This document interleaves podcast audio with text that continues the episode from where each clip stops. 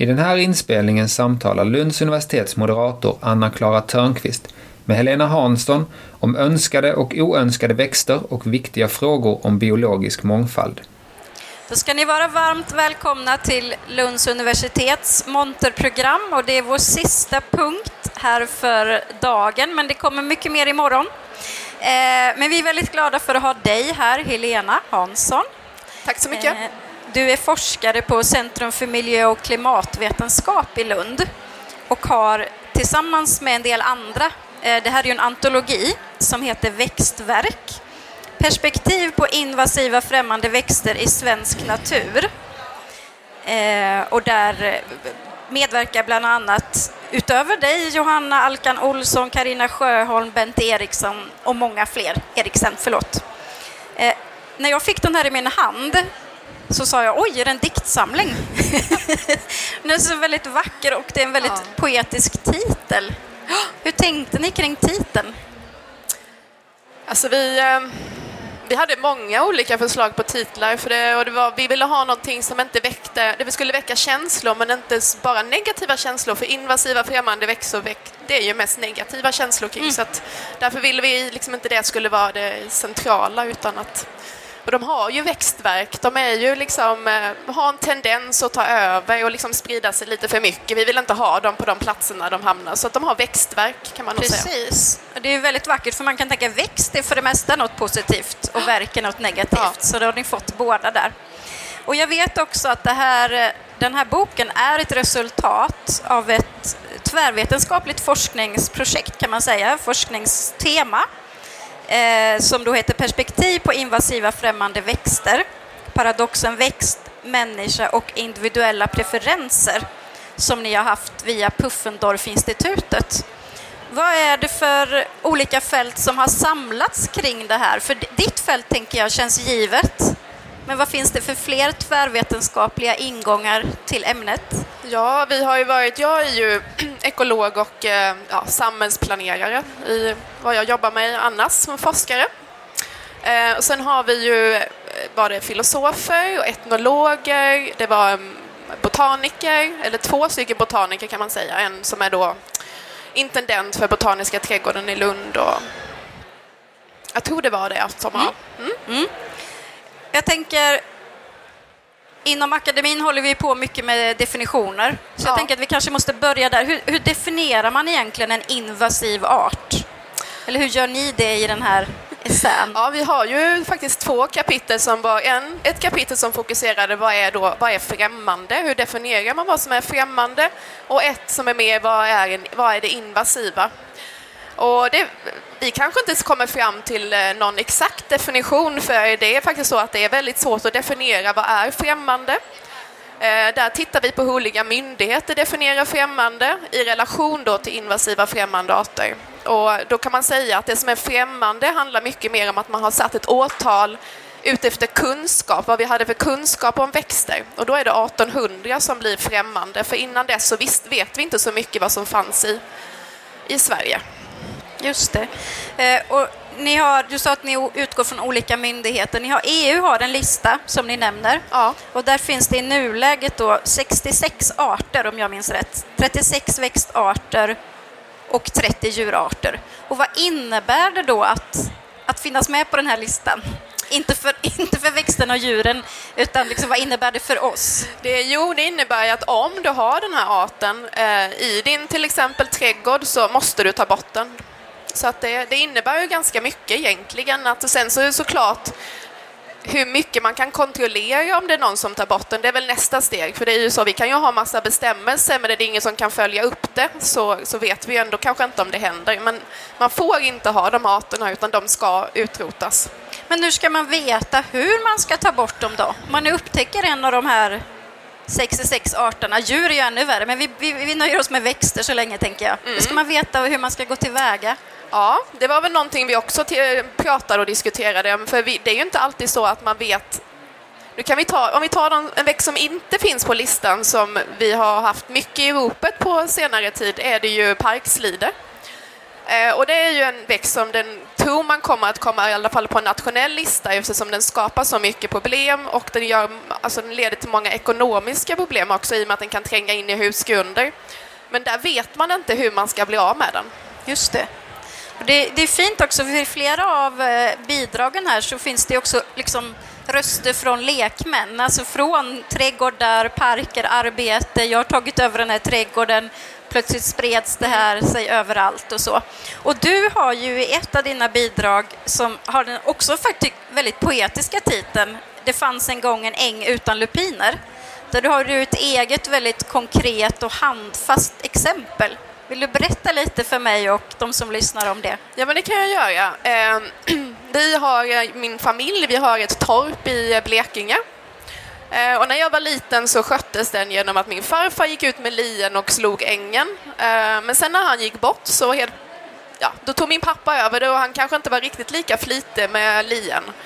Eh, så från att den här väldigt, som jag minns från min barndom, en äng fullt med blåklockor och ängsvädd och fjärilar som flög omkring till några år sedan när jag då upptäckte att det här, nu var det bara ett lupinhav. Ehm, så att då, och då kände väl jag att nej men, nej men så här kan vi inte ha det, nu, nu, nu behöver vi liksom ställa till rätta igen. Så då fick jag med mig min pappa att, att vi skulle då försöka ta, ja, utrota den här lupinen. Så att det blev ett familjeprojekt. Och hur gjorde ni då? Jo, men lupin är inte jättesvårt för den är tvåårig årig. Så det handlar bara om att bli av med blommorna. De får inte gå i frö. Så har de gått i frö, då är det liksom kört, för då har de trillat ner och så sprider de sig. Men om du hela tiden tar blommorna så kommer du göra det att de blir mindre livskraftiga. De försvinner inte med detsamma, utan det kan ta det kan säkert ta tio år innan vi har blivit av med dem. Men för varje år så ser vi att de är mindre och mindre plantorna och det är nästan inga som blommar. Och vad kom upp i den här ängen istället då, istället för lupinerna? Jo, men då kunde, första året så var jag men jag hade lite höga förväntningar, men jag såg, kunde, man kunde ändå se att det hade kommit upp lite mer av de här ängsvärd. Jag vet inte om ni vet vad en ängsvärd är, men det är liksom en, kan man säga, en korgblommig med lite, li, lite rosa-lila blommor. Som jag tycker den är väldigt vacker och fjärilarna älskar den. Men det, vi, det tog ju några år innan vi kunde se effekten. Men nu kan vi se att det är mer blåklockor, det har kommit in prästkragar också. Eh, det är då mer ängsvärd i, i ängarna. Så att, ja. Men och det, jag förstår det. Det finns ju som jag sa många minnen förknippade med, med tidigare växter. Det finns eh, människor som berättar om sina barndomsängar och hur de plockar blommor och sådär. Eh, men vilken betydelse, förutom det nostalgiska och vad vi minns från barndomars sommarlov och så, har de för mångfaldens bevarande så att säga? Ja, men jag tror att de är helt avgörande för att om du all, inte har upplevt någon så har du också svårt att veta varför skulle jag lägga min varför skulle vi ha lagt vår energi på att liksom gå ut och klippa lupiner om vi inte visste vad vi skulle kunna få tillbaka? Så jag tror det är helt avgörande om vi ska liksom jobba för att bevara mångfalden, att vi faktiskt har en förståelse för vad som fanns och vi har någon anknytning till, till de miljöerna. Men om jag ska vara lite provokativ då, så jag har väldigt starka barndomsminnen till lupiner faktiskt. Ja. Men de får inte finnas, eller? Ja, men vi, har, vi möter ju väldigt När vi gjorde de här, den här studien så fick vi ju många av dem som, som kom in som vi, vi, liksom gjorde, vi skickade ut på en meddelarlista och då får vi liksom respons från ja, många personer i Sverige och då var det många som uttryckte men, men jag gillar ju lupiner. Mm. Så det, och då är det såklart en tröghet tror jag där, att om man verkligen gillar någonting så kan man nog ha svårt att förstå att varför ska vi ta bort det. Men är målet att utrota dem helt enkelt? Jag tror inte vi kan utrota lupiner. Nej. Men målet är det?